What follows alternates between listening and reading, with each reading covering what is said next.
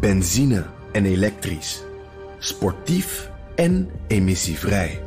In een Audi plug-in hybride vindt u het allemaal. Ervaar de A6, Q5, Q7 en Q8 standaard met quattro vierwielaandrijving. Wat u ook zoekt, u vindt het in een Audi. Audi. Voorsprong door techniek. De wereld. Oud-DNB-baas Nout Welling kwam met zeer felle kritiek over de Nederlandse opstelling in het Europese debat over hulp in verband met de coronacrisis. En Welling staat niet alleen in zijn kritiek, maar de hamvraag is: luistert de regering in Den Haag hiernaar? Daarover ga ik het hebben met onze Europaman Jesse Pinster. Jesse, wat viel jou op aan wat Welling zojuist zei?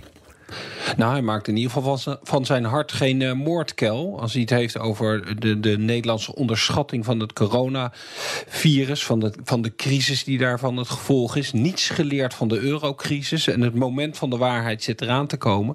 Kijk, hij staat niet alleen in die kritiek. Kijk, de kritiek op de Nederlandse opstelling die kwam natuurlijk eerst uit Zuid-Europa. Die komt ook wel vanuit Brussel. Maar je hoort ook steeds meer Nederlandse prominenten zich daarbij aansluiten. En eigenlijk is de rode lijn, als ik die kan ontdekken toch een beetje dat de Nederlandse regering niet in staat lijkt om het grotere plaatje te zien.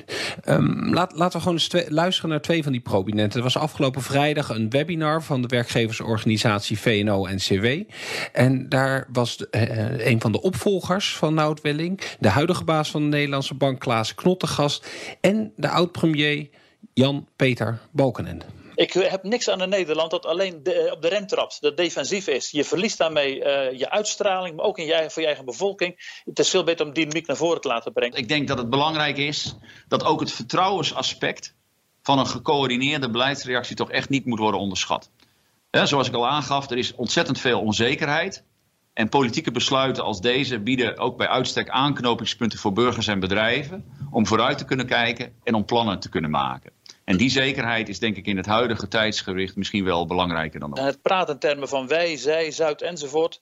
En als we niet de quintessens pakken van de discussie waar het echt over gaat, en de Nederlandse belangen, dan uh, hebben we echt problemen. Hoe komt deze kritiek aan bij de regering van Mark Rutte, Jesse? Ik heb heel nauwkeurig zitten luisteren naar het uh, debat over dit onderwerp gisteren in de Tweede Kamer met de premier Mark Rutte. En dan zie je wel kleine hints dat er misschien iets aan het veranderen is een beetje. Hij had het op een gegeven moment over dat het vaak over het speelveld gaat in Europa. Maar dat het eigenlijk moet gaan niet over het speelveld, maar over een speler. Europa moet een speler zijn op het wereldtoneel. Dat is iets wat hij in het verleden wel eens eerder gezegd heeft. Het lijkt een beetje op uh, Angela Merkel, de bondskanselier, heeft het vaak dan over handlungsveeg. We moeten kunnen handelen. We kunnen ook kijken naar dat artikel, dat opiniestuk in de Financial Times. Daar werd al even aan gerefereerd in jouw gesprek met uh, Wellink. Dat schreef Rutte samen met zijn uh, zuinige vrienden in Denemarken, Zweden en Oostenrijk. Kijk, daar zie je twee dingen. In het begin eerst van, ja, we willen wat doen. Uh, het gaat om solidariteit. Er stond ook in, de Nederlandse medewerker van Philips is afhankelijk van de economische ontwikkeling in Griekenland en Slowakije.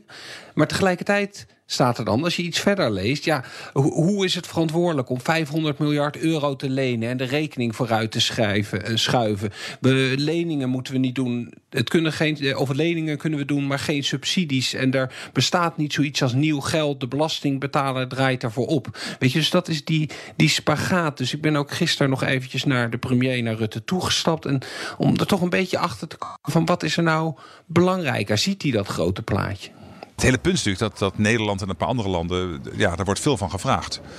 En gezien de ellende wil je ook best helpen. Maar dan wil je wel ook van die landen weten hoe gaan zij ervoor zorgen dat ze de volgende keer het zelf kunnen oplossen.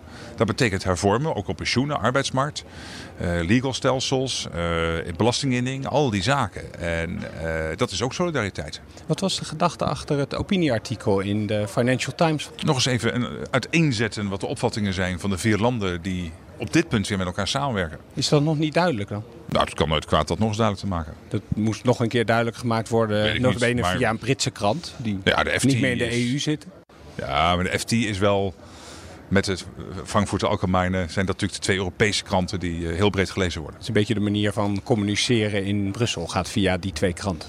Nou, ik- veel, veel Brusselse mandarijnen lezen die kranten, dat klopt. Ja. En, en, en daar moest de boodschap nog eventjes Mede. duidelijk gemaakt Mede. worden. En via daar ook weer de hoofdsteden, dat iedereen weet dat er een oplossing te vinden is. Heeft u er nog reacties vanuit Brussel gekregen op? Nee, want ik denk niet dat de mensen die daar de hele dag mee bezig zijn in het artikel nieuwe dingen zagen. Maar het was wel goed het nog eens een keer op een rijtje te zetten. Graaft u zich niet een beetje in door ook met zo'n opiniestuk dan nog eens een keer te komen deze week? Ja, kijk, onze, onze lijnen zijn helder, eh, namelijk we zijn bereid te helpen, maar dan moeten ze wel hervormen. Is dat toch eh, wat de Nederlandse regering het belangrijkst vindt? Dat andere landen gaan hervormen, Jesse? Ze, ze hameren er wel heel hard op. Hè. Dat, eh, dat hoor je duidelijk ook in eh, dit gesprek. En ik, ik hoorde ook van een EU-diplomaat dat Nederland bij die onderhandelingen eerst wil dat ze hun korting op de Europese begroting, want dat is, speelt ook in dit eh, geheel, die korting die ze ooit gekregen hebben, dat die behouden blijft. En dan, pas als die behouden blijft, Dan gaan we door de bocht. ze- ge- dan gaan ze pas Ja, überhaupt praten over die andere onderwerpen. En dan heb je, toch, heb je toch de indruk dat ja, die solidariteit misschien een verpakking is van, van wat vooral zuinigheid is wat er eh, binnenin zit. Die indruk had ik al. Dankjewel, Europa-verslaggever Jesse Pinster. Benzine en elektrisch. Sportief en emissievrij. In een Audi plug-in hybride vindt u het allemaal. Ervaar de A6, Q5, Q7 en Q8 standaard met quattro vierwielaandrijving. Wat u ook zoekt, u vindt het in een Audi. Audi. Voorsprong door techniek.